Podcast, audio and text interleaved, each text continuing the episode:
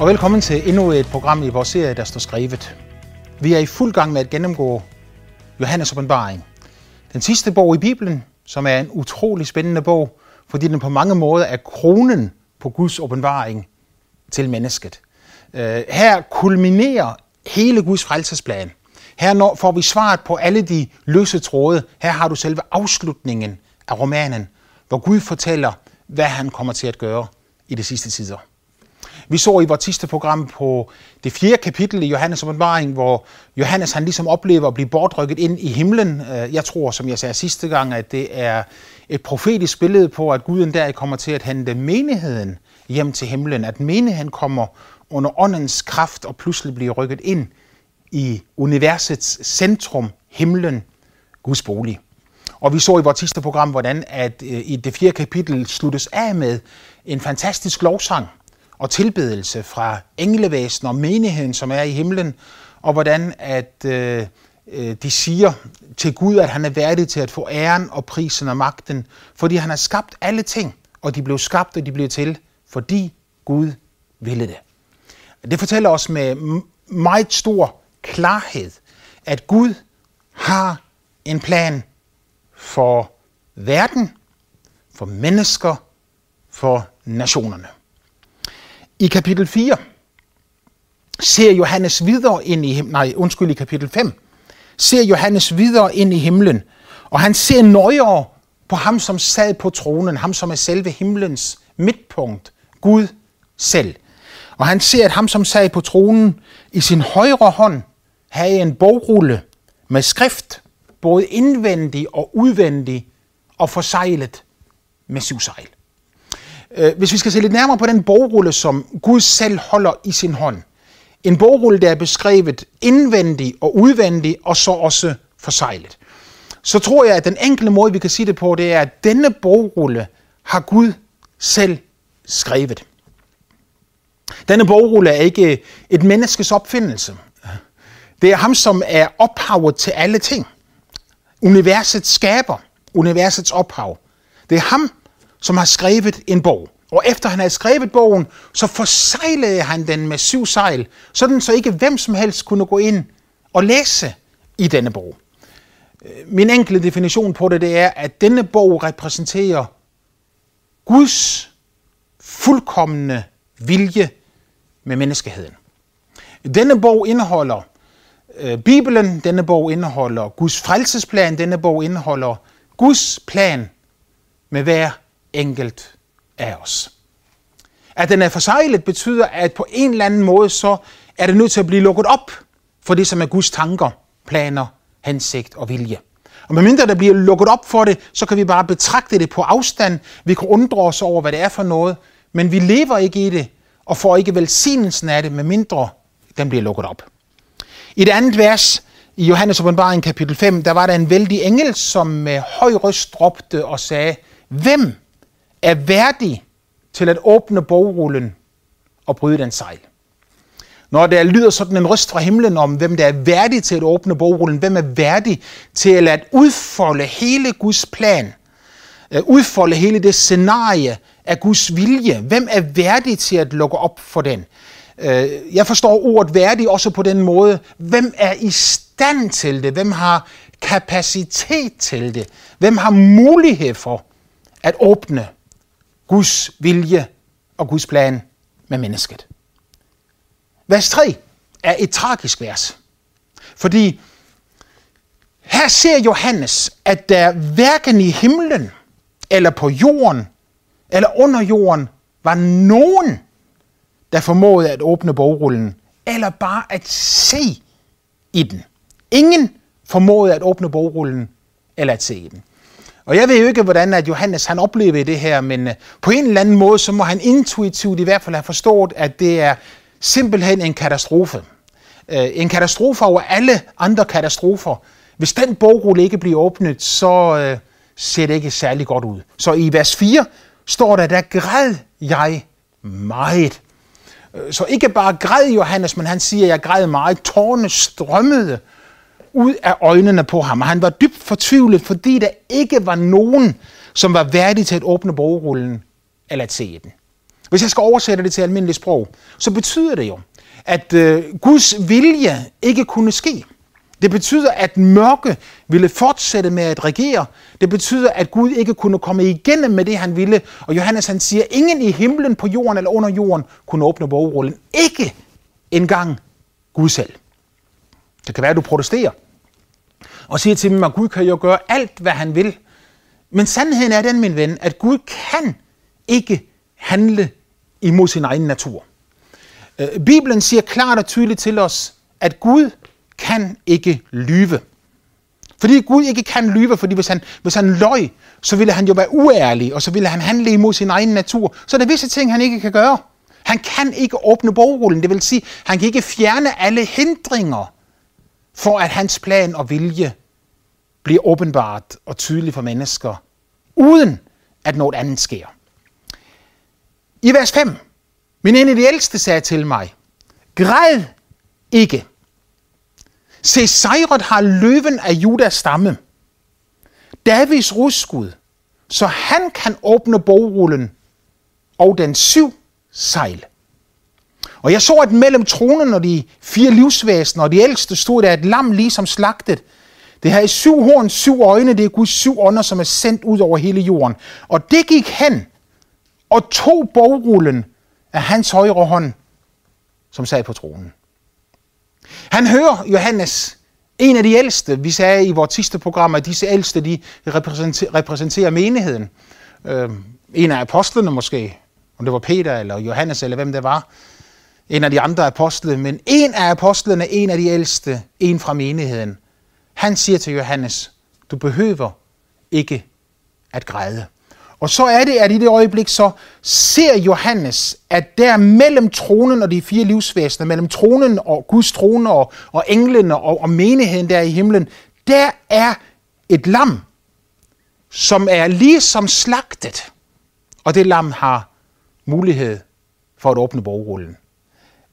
Johannes han kalder ham for øh, løven af Judas, af Judas stamme, Davids rodskud. Han kan åbne bogen. Øh, du behøver ikke have ret meget fantasi for at forestille dig, at det er det lam af Jesus Kristus selv. Det, som er interessant, er jo, at når Johannes han kommer ind i himlen, så ser han Guds trone, han ser englene, han ser menigheden, men han ser ikke Jesus i første omgang. Men først i Guds øjeblik, i Guds time, der får han øjnene åbne, og der ser han, at der faktisk er en, som er i stand til at åbne bogrullen. Øh, når Gud sendte sin egen søn fra himlen til jorden, for at han skulle leve som et menneske, blive født som et menneske, blive født af en jomfru, leve som et menneske og dø som et menneske på et kors. Og da han døde på det kors, så vandt han øh, en mægtig sejr, fordi han var uden synd. Og han døde for dem, som var fulde af synd. Så de, som var fulde af synd, kunne få Guds retfærdighed. Den retfærdighed, han havde, han som intet ondt havde gjort, den retfærdighed skulle de få, som ville tage imod ham. Det er det slagtede lam. Det er løven af Judas stamme. Det er Davids rodskud. Forsoningen er en realitet. Da Jesus døde på korset, der forsvandt alt det, som ville hindre mennesker i at leve i Guds perfekte plan og vilje. Før dette var det umuligt for mennesket at leve i Guds plan og vilje. For synden, som er i os, står Gud imod. Og Gud kan ikke have fællesskab med ondt. Gud er hellig. Gud er ren. Det er ikke sådan, at Gud han ikke elsker vandhellige mennesker. Det er ikke sådan, at Gud han ikke har kærlighed til mennesker, som er imod ham, som hader ham og som gør deres egne ting. Gud elsker alle. Problemet er bare dette, at når et menneske har synd i sit liv, urenhed i sit liv, så kan det menneske ikke have fællesskab med Gud. Øh, der er ingen, der har sagt det stærkere end profeten Habakkuk, når han ligesom skal prøve på at beskrive, hvor stor Guds hellighed den er. Han siger, du er så ren, at du ikke kan se på det onde. Øh, Guds renhed er så gennemtrængende, at han ikke engang kan kaste et blik på det onde. Fordi hvis det onde skulle få lov til at besmitte Gud, så fandtes der ikke godhed, renhed og sandhed længere. Men det gode, det onde har aldrig, ikke det gode, men det onde har aldrig nogensinde fået lov til at besmitte Gud, har aldrig fået lov til at besmitte himlen. Derfor smed Gud djævelen ud af himlen, dengang han var en salvet og skærmende kerub, da han gjorde oprør imod Gud. I himlen kan intet urent komme ind. Og med mindre der var en, som ville tage menneskets synd på sig og dø i menneskets sted, så kunne Guds plan med menneskeheden ikke blive åbnet. Så når rysten lød, at der var ingen hverken i himlen, på jorden eller under jorden, der kunne åbne bogrullen, så græd Johannes meget, han var dybt ulykkelig. Men hvilken glæde, hvilken begejstring det var, da han så fandt ud af, at der var en alligevel, som var i stand til at åbne bogrullen, og så Guds plan med det enkelte menneske kunne gå i opfyldelse. Jesus gik hen og modtog bogrullen fra ham, der sad på tronen. Bibelen taler om mange forskellige bøger. Øh, Bibelen taler om livets bog. Om det der her også er en del af livets bog, det skal jeg ikke kunne svare dig på, men jeg bare siger, at Bibelen taler om mange bøger. Bibelen siger, at der er bøger, der bliver åbnet i himlen, og, og, og navne er indskrevet i disse bøger, siger Bibelen. Og Bibelen siger, at navne er indskrevet fra verdens grundvold af. I øh, salme 139, øh, der kommer David med en proklamation. Øh, det er en åbenbaring, han har fået fra Guds ånd, som han skriver ned, når han siger, som foster så dine øjne mig. I din bog var de skrevet alle mine dage, før en eneste af dem var kommet. Bibelens budskab er, Gud elsker et hvert menneske. 2. Gud har en plan med et hvert menneskes liv. 3. Mennesket vælger selv, om det vil leve i denne guddommelige plan. Den eneste årsag til, at mennesket kan vælge det selv, er fordi Jesus han tog straffen for vores synder og overtrædelser på sig. Nu har vi fri adgang ind foran Guds trone. Vi har fri adgang til at leve vort liv, som vi selv vil det, eller leve vort liv i overensstemmelse med den guddommelige vilje. Jeg synes jo, det er interessant, at kong David, han ikke siger, din, øh, dine øjne så mig, da jeg var en lille baby. Eller dine øjne så mig, da jeg var fire år gammel, eller dine øjne så mig, da jeg var teenager. Ikke fordi, at Gud han ikke ser babyer og fireårige og teenager, han ser alle mennesker. Men David han lægger eftertryk på det her, så siger han, endnu mens jeg var i mors liv, så så dine øjne mig. Øh, jeg er nødt til at sige det, fordi vi lever i, i et land og i et samfund, hvor vi tager livet af tusindvis på tusindvis af små liv. Vi tager livet af tusindvis af fostre, som aldrig nogensinde får lov at se livets lys. Som vi forbyder at leve et liv på jorden. Nogle af disse fostre tager vi livet af, fordi de er ubekvemt. Nogle tager vi livet af, fordi det passer ikke ind i vores økonomi. Andre tager vi livet af på grund af, at de er syge, har forskellige sygdomme. Og andre igen tager vi livet af, bare fordi vi øh, måske ikke ved bedre. I Danmark, øh, sådan i gennemsnit, to til tre fostre hver eneste dag, som har nået den levedygtige alder. Det er altså ikke kun små celleklumper, man fjerner fra en kvindes livmor, men det er liv, man tager bort. Og to-tre gange hver dag får man tilladelse til at fjerne fostre, som er kommet så langt på vej, at de er i stand til at leve. Jeg kender helt konkret til foster, som er blevet taget så sent i graviditeten. Desværre var det sådan, at da de kom ud af mors liv, så øh, nægtede de at dø. Øh, de blev lagt ind i skyllerummet ved siden af for at dø, men øh, de nægtede at dø og lå der og fortsatte med at græde, så i, jeg ved ikke om det er i humanismens navn eller, eller hvilket navn det er, men man blev nødt til at hjælpe dem. Og i dag så ser jeg der mennesker i Danmark på plejehjem, som har deres liv ødelagt, som må sidde i rullestole og, og, og, og, og er, har skavanker og mangler i deres liv, fordi det blev de pådraget dengang, da de blev aborteret som bitte små børn. Øh, Gud elsker alle mennesker. Han elsker os uanset hvad vi har gjort. Han elsker os uanset hvor vi kommer fra. Han har en plan med alle menneskers liv. Han har også et plan med hver eneste i hvert eneste liv, som er blevet undfanget i mors liv. Som foster så dine øjne mig. I min bog var de alle skrevet, dagene var bestemt før en eneste anden var kommet.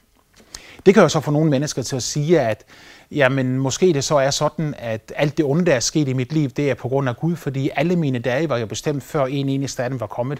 Men øh, det, som jeg tror, det betyder, det er, at Gud han har en fuldkommen plan.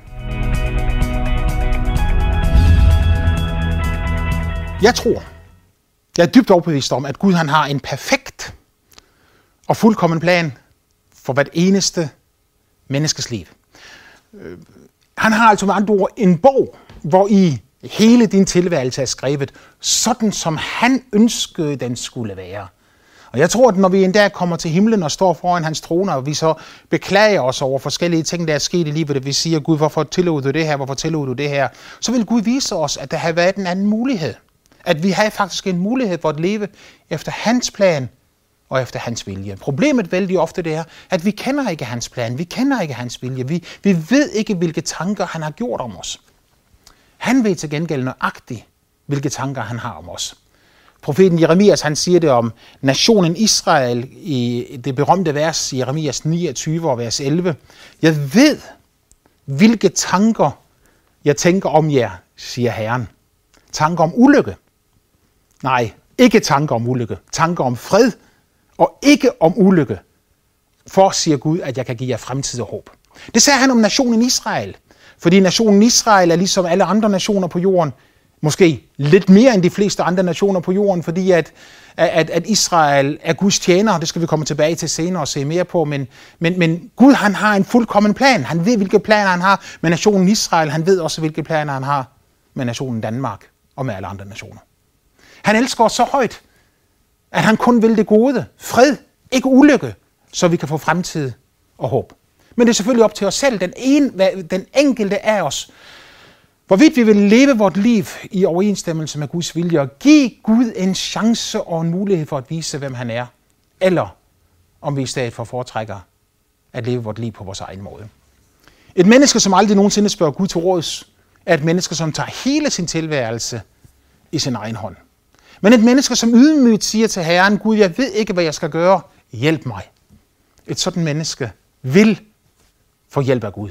Gud kan ikke lade være med at hjælpe sådan et menneske, fordi han har forpligtet sig selv til at tale til den, som søger ham. Hans kærlighed er så stor, at du behøver ikke at prøve på at overbevise ham om at vise dig, hvad der er godt. Han ønsker mere end noget andet at gøre det. Han ønsker at gøre det langt mere, end du ønsker at få det. Hvis vi lever efter hans perfekte og fuldkommende vilje, så får vi lov til at opleve, at alt, hvad vi gør, får vi lykke til. Øh, ikke sådan at forstå, at der ikke kan være vanskeligheder og problemer i livet. Gud havde en søn, som var uden synd, Jesus Kristus. Han har aldrig haft nogen børn, som var uden lidelser. Ikke engang ham, som var uden synd. Han led ikke for sin egen synds skyld, men han led for, at vi skulle blive frie og få lov til at leve vort liv i fællesskab med Gud. Gud ønsker at tale til dig. Og i vers 8, der fortsætter Johannes med at se ind i himlen, og han siger, at lammet tog bogrullen, og i det øjeblik, han tog bogrullen, at Guds plan blev lagt i Jesu hænder, så kastede englene og hele menigheden sig ned foran Gud, kastede de sig ned foran lammet, og de havde hver en harpe og guldskåle fyldt med røgelse det er de hellige spønder, siger skriften. Og de sang en ny sang. Værdig er du til at tage bogrullen og bryde den sejl. Og så giver de årsagen til det, for du blev slagtet. Og med dit blod har du købt mennesker til Gud af alle stammer og tungemåle og folk og folkeslag. Og du har gjort dem til konger og præster for Gud, og de skal herske på jorden. Så vi ser her, hvordan at alt i himlen begynder at øh, øh, tilbede lammet. Kaster sig ned foran ham. Udelukkende på grund af det her, at Gud han har lagt hele frelsesplanen i Jesu hænder. Guds vilje kan ske nu igennem hvert menneske, som søger Jesus. Og Bibelen siger, at øh, det er på grund af, at han døde for os på Golgata Kors, og han med sit blod købte os til Gud, at vi nu kan få lov til at kende Gud, være konger og præster for ham og herske på jorden. Og i synet, siger han videre i vers 11, hørte jeg mange engle, ryster af mange engle om tronen og væsenerne og de ældste. Og han siger, at deres tal var 10.000 og 1000 og 1000, og hvis du ganger disse tal med hinanden, så vil du finde ud af, at det er millioner og milliarder af engle, som står til Guds rådighed. Milliarder af, mennesker, er engle, fordi der er milliarder af mennesker på jorden, og, og Bibelen siger, at hvert enkelt menneske har en uh, skytsengel, så Gud ønsker skal våge over den enkelte. Og alle disse engle i himlen sagde med høj røst, værdig er lammet, det slagtede til at få kraft, rigdom, visdom, styrke, pris og ære og lov. Og enhver skabning i himlen og på jorden og under jorden og på havet, ja alt hvad i dem er, hørte jeg sige, ham som sidder på tronen og lammet, være lov, pris og ære og magt i evigernes evigheder. Og de fire væsener sagde amen, og de ældste kastede sig ned og tilbage. Her bliver der sat lighedstegn mellem Gud og lammet. Faderen, Sønnen og Helligånden, de tre er den hellige, guddommelige treenighed. Og de kaster sig ned, og de tilbeder, og det er som et brus af lovsang, der stiger op foran Guds trone. Det fører os direkte ind i det 6. kapitel, som vi skal se på i vores næste program. Men lige nu er jeg nødt til at så sige det, at det 6. kapitel begynder med, og jeg så lammet bryde det første af sejlene. Det er altså sådan, at når mennesker begynder at tilbede Gud, når mennesker indviger deres liv til Gud, så kommer hele engleverdenen ind og arbejder sammen med, med mennesket i denne guddommelige tilbedelse. Ja, hele skabningen længes efter, at Guds børn skal blive åbenbart. Og de deltager sammen med englene, sammen med menigheden i en fantastisk lovprisning som et crescendo, der stiger op foran Guds trone af tilbedelse og lovsang. Og når vi begynder at tilbede Gud, så sætter vi Gud på den rigtige plads i vort liv. Og når vi sætter Gud på den rigtige plads i vort liv, så er det, at lammet begynder, at Jesus begynder at åbne op for den guddommelige plan med vort liv. Jeg vil gerne sige det til dig i slutningen af dette program, så stærkt jeg bare kan. Ikke bare, at Gud elsker dig, for det gør han. Men også, at Gud han har en fantastisk plan med dit liv. Gud ønsker, at du skal få lov til at være hans ven. Han ønsker, at du skal få lov til at være hans tjener. Han ønsker, at hans vilje skal få lov til at ske igennem dit liv. Han ønsker at bruge dig som et redskab i sine hænder. Så igennem dit liv skal mennesker få lov til at lære Gud at kende. Igennem dit liv skal mørke få lov til at forsvinde fra menneskers liv. Igennem dit liv skal syge blive helbredt. Ja, for Jesus sagde jo, at på syge skal de lægge hænder, og de skal blive raske. Igennem dit liv skal det overnaturlige blive naturligt. Og Guds fantastiske kraft, kærlighed og nåde skal få lov til at trænge igennem dig ud til andre mennesker. Det er dit eget valg, om du vil leve dit liv på din egen måde, eller om du vil leve dit liv i Guds perfekte og fuldkommende vilje. Han ønsker det i hvert fald. Der er et vers i Bibelen, som øh, på mange måder er lidt skræmmende, men øh, som samtidig også måske kan være en øjenåbner for rigtig mange. Det er, når profeten Jeremias han siger om nogle mennesker, at de står ved deres død som dårer. Altså mennesker, som har levet et langt liv. Og i det øjeblik, de dør, så står de der som dårer, som idioter, som dumme mennesker. Fordi de har forspildt deres liv ved at leve for sig selv. Den løn, de ville vinde ved deres uretfærdighed, den går altid tabt. Det menneske, der mister sit liv, han skal vinde det. Ham, som søger at vinde sit liv, han skal miste det. Kan jeg ikke få lov til at opmuntre dig for til at leve dit liv for Jesus med ham? Og at du lever dit liv på en sådan måde, at det er et, en længsel og en lyst i dig, efter at det, som er Guds plan, den bogrulle, han holder i sin højre hånd, at det skal få lov til i hvert fald i dit liv at blive en realitet. Det bestemmer du selv. Du bestemmer det selv, ikke fordi du er så stærk og fantastisk og pragtfuld og fuldkommen. Du bestemmer det selv, fordi hvis du vil, så vil han give dig alt, du har brug for til liv og Guds frygt. Alt formår du i ham, som giver dig kraft. Og han vil heller gerne give det til dig. Du skal bare bede ham om det. Og så ligger det bedste foran dig i dit liv.